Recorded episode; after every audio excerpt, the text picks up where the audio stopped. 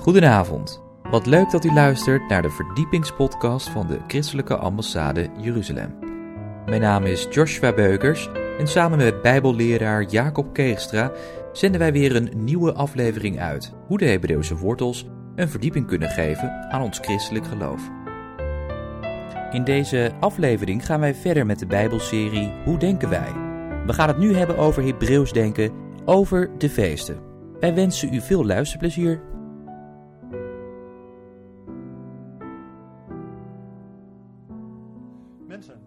Welkom op een nieuwe lezing in de serie Hoe denken wij? We hebben al stilgestaan bij het Hebreeuwse denken vanuit de taal, de natuur en de cultuur. En nu willen we verder gaan met het Hebreeuwse denken over de feesten. Het is namelijk God zelf die de feesten heeft ingesteld. Als een hoogtijdag om te naderen voor het aangezicht van God. Als we lezen uit Deuteronomium 16, vers 16, waar we lezen dat drie keer per jaar moet alles wat mannelijk is onder u verschijnen voor het aangezicht van de Heere uw God, op de plaats die hij zal uitkiezen, op het feest van de ongezuurde broden, op het wekenfeest en op het loofhuttenfeest. Men mag echter niet met lege handen voor het aangezicht van de Heer verschijnen.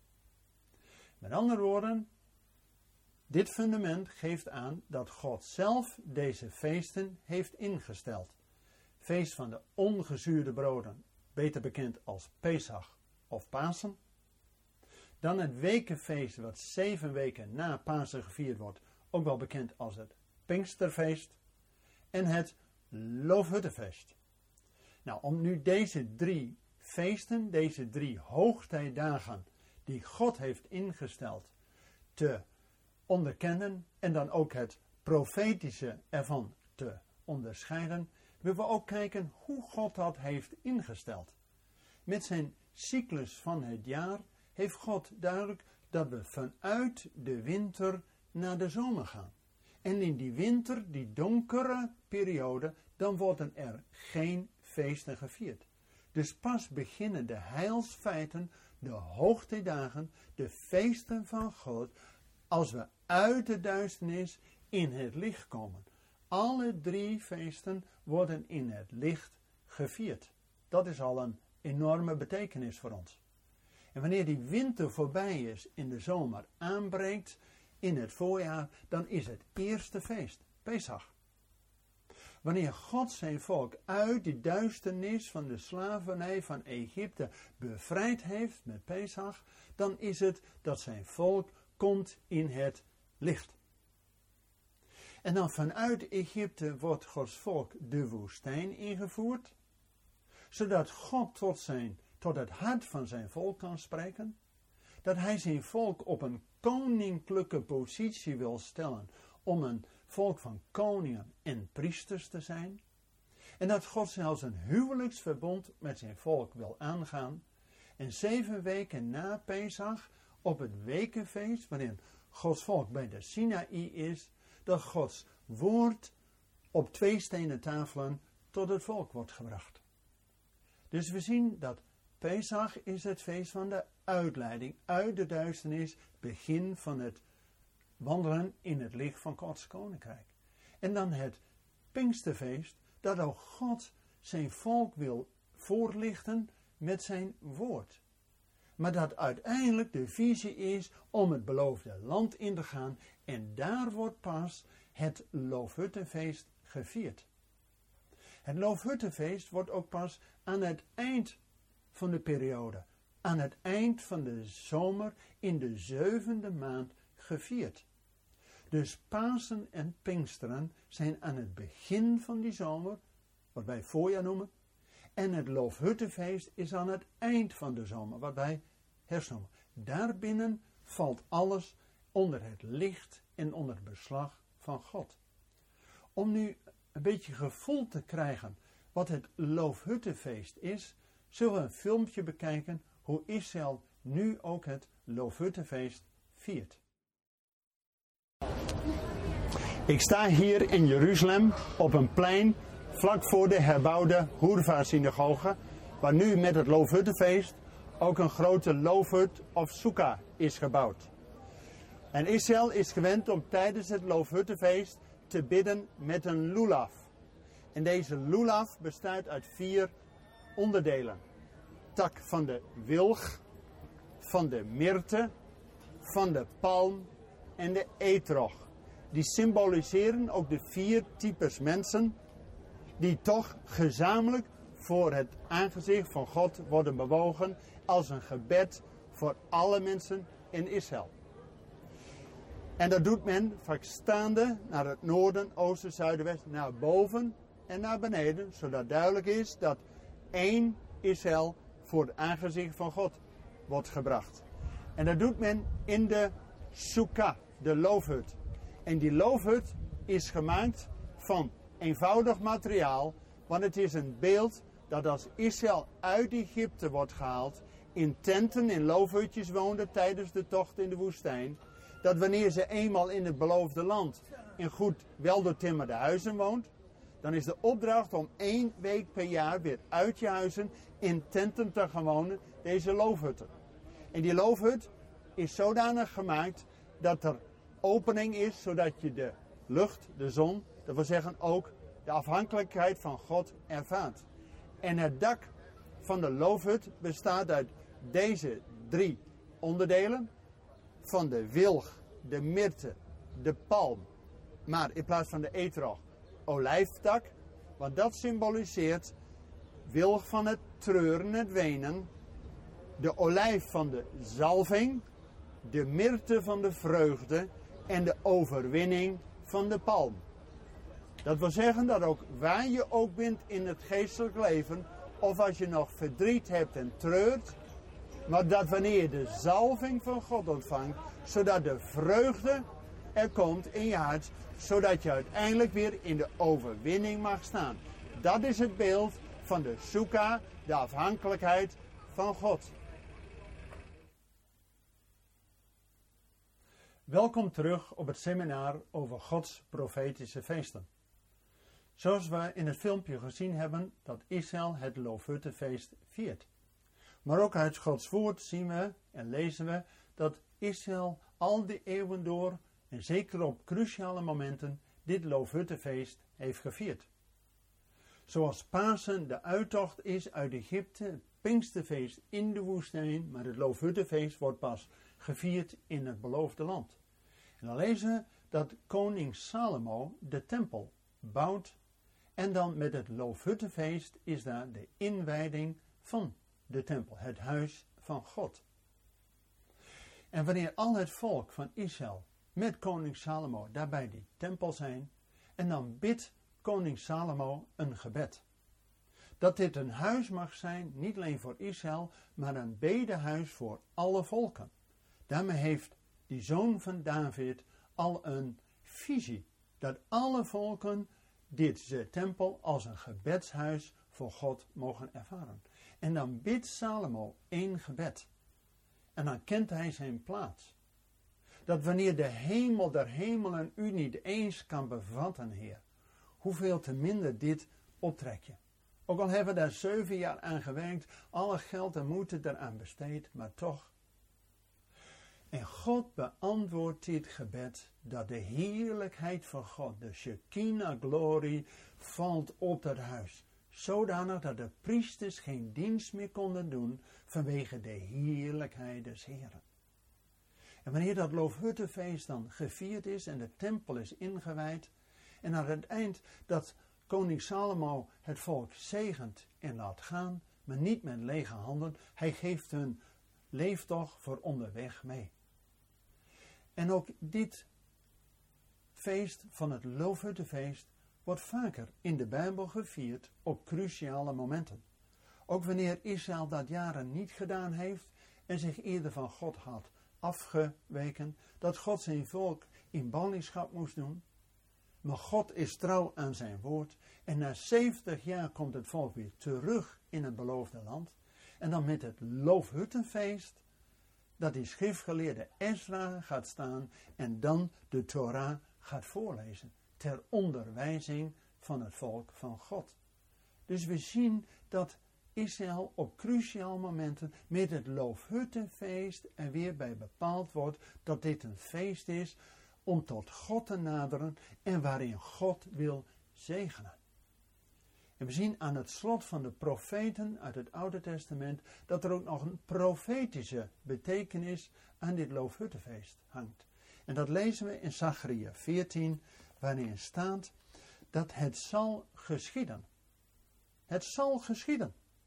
Dat al de overgeblevenen van de heidenvolken die tegen Jeruzalem zijn opgerukt, dat die nu van jaar tot jaar zullen komen en zich neer te buigen voor de Heer van de legermachten om het Loofhuttenfeest te vieren. Ook al kennen wij dat nog niet zo, eenmaal staat er in de schrift, het zal gebeuren, dat ook de volkeren zullen optrekken om het Loofhuttenfeest samen met Israël te vieren.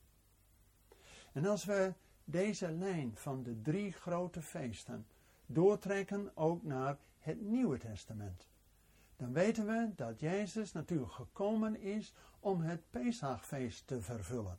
Dood en opstanding van onze Heer is het begin voor ons als gelovigen. Dat we uit de duisternis van de zonde komen in het koninkrijk van God.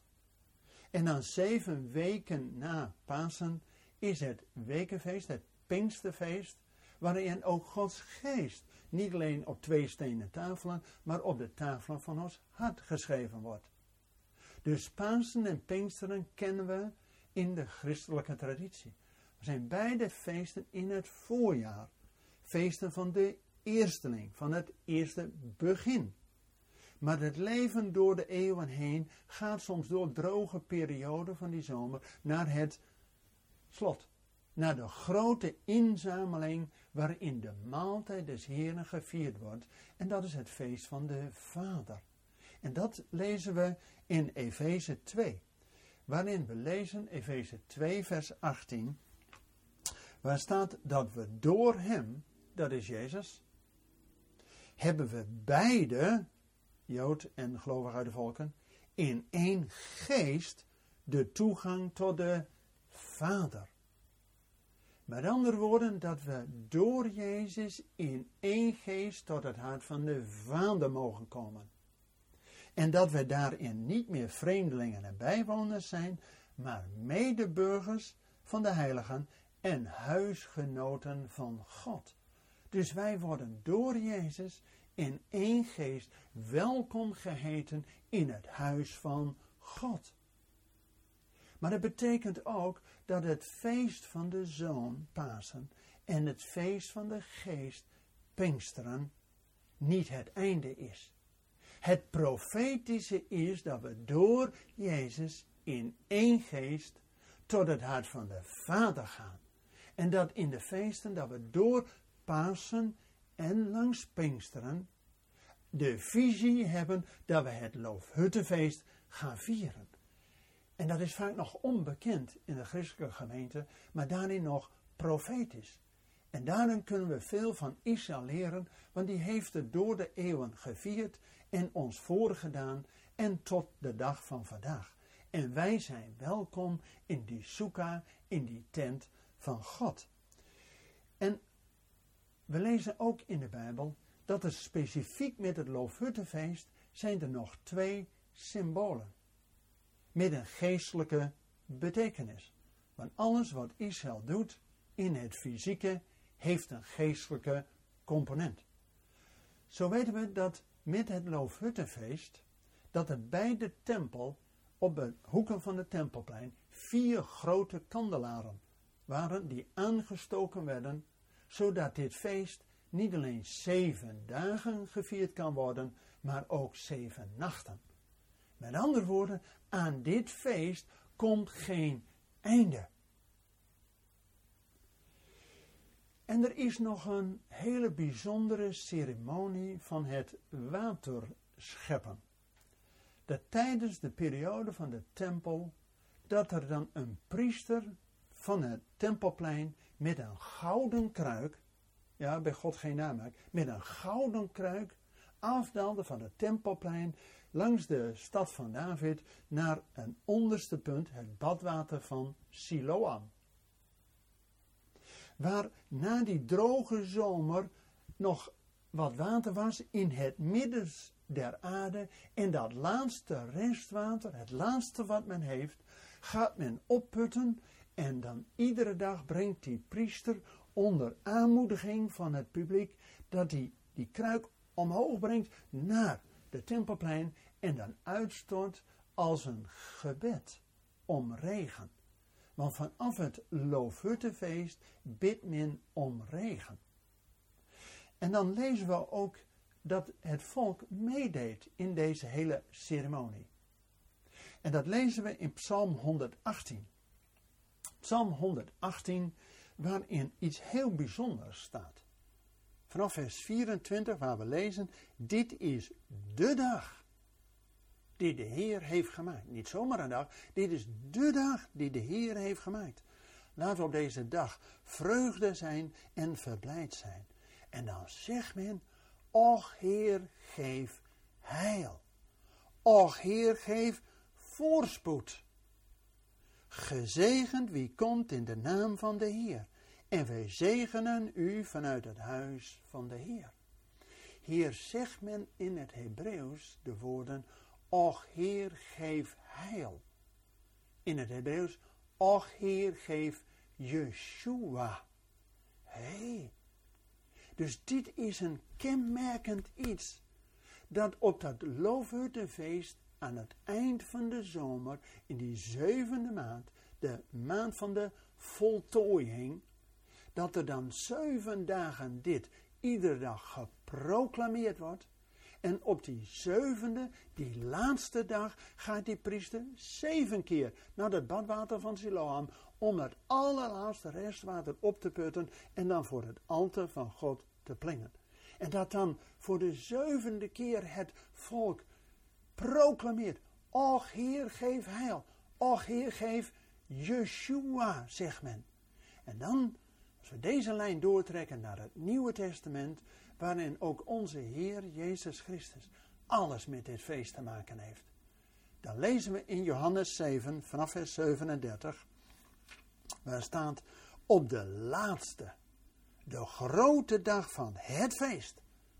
Dat is het Loofhuttenfeest die laatste, die zevende dag, de afronding van de voltooiing, dat Jezus gaat staan. Dus hij is zichtbaar voor iedereen. En hij riep, dus hoorbaar voor iedereen. En dan zegt Jezus, als iemand nu dorst heeft. Want het volk kwam daar om te bidden om regen, om voorspoed voor de volgende agrarische periode. En dan zegt Jezus, als iemand dorst heeft, laat hij tot mij komen en drinken. En zoals de schrift zegt, stromen van levend water zullen uit zijn binnenste komen. Dat ook wij die tempel van God mogen zijn, waarin het levende water volmondig mag stromen. Dus onze Heer Jezus Christus heeft alles met dit feest te maken voor ons vaak nog verborgen, maar daarin profetisch. Want het zal een keer gebeuren, hebben we gelezen in Zachariah 14. En dan, als het grote feest na zeven dagen en zeven nachten uiteindelijk toch tot een eind komt, dan lezen we in de schrift dat het volk ging naar huis. Maar Jezus ging naar de Olijfberg. Hé, hey, dat is wel heel kenmerkend dat Jezus naar de Olijfberg gaat. Want profetisch heeft Jezus natuurlijk alles met die olijfberg te maken. Dat hij niet alleen vanaf de olijfberg met de hemelvaart naar de Vader ging, maar dat hij ook vanuit de Vader, vanuit de hemel, zijn voeten zal raken op de olijfberg. Dus dit is ook een profetisch iets.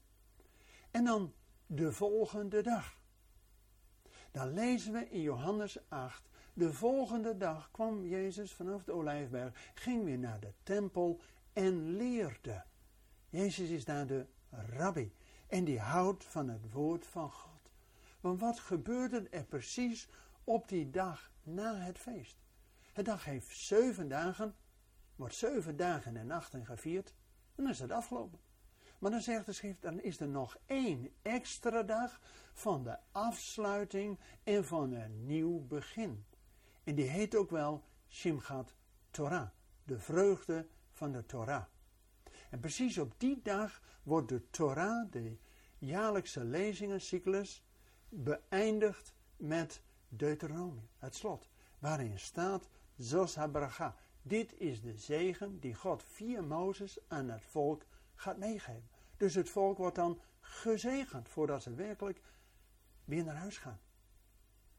En dan is ook Jezus bij die tempel. En dan leert hij. En dan leert hij niet alleen het slot, want hij is de zegen die met ons meegaat. Maar op die dag wordt de Torah niet alleen geëindigd, maar omdat de Torah altijd doorgaat, wordt hij ook direct weer geopend. Weer geopend bij Genesis 1. En dan is het eerste woord wat God zegt, Wajomer Elohim. En God sprak. En God zeide, er zij licht. Vandaar dat al die feesten in het licht gevierd worden. En dan lezen we in Johannes 8, waar staat, waar Jezus zegt, ik ben. Hallo, ik ben. Dat mag je zomaar niet zeggen. Alleen God mag zeggen, ik ben die ik ben.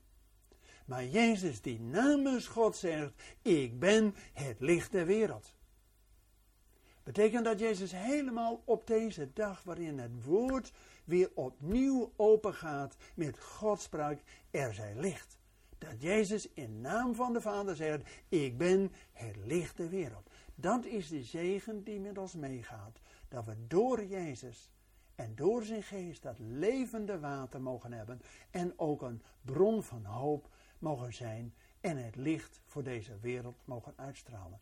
Dat is het profetische van het Loofhuttenfeest, wat eenmaal werkelijkheid zal worden. Want we lezen uit Zachariah 14 dat eenmaal alle volken zullen optrekken om samen met Israël dit Loofhuttenfeest te vieren. Zodat we niet alleen gezegend worden, maar ook tot een zegen voor deze wereld mogen zijn. Fijn dat u gekeken hebt naar deze lezing over hoe denken wij en met name over het Hebreeuwse denken over de feesten. Volgende keer gaan we nog specifieker in op het Hebreeuwse denken over het Loofhuttenfeest. Als het zevende feest in de zevende maand, die zeven dagen dag en nacht gevierd wordt. Ondertussen kunt u ook dit nalezen in het boek wat tegelijk met deze serie is uitgekomen. Hoe denken wij met het verschil tussen het Hebreeuwse denken en het Griekse denken? We zijn aan het einde gekomen van deze podcast van de ICEJ.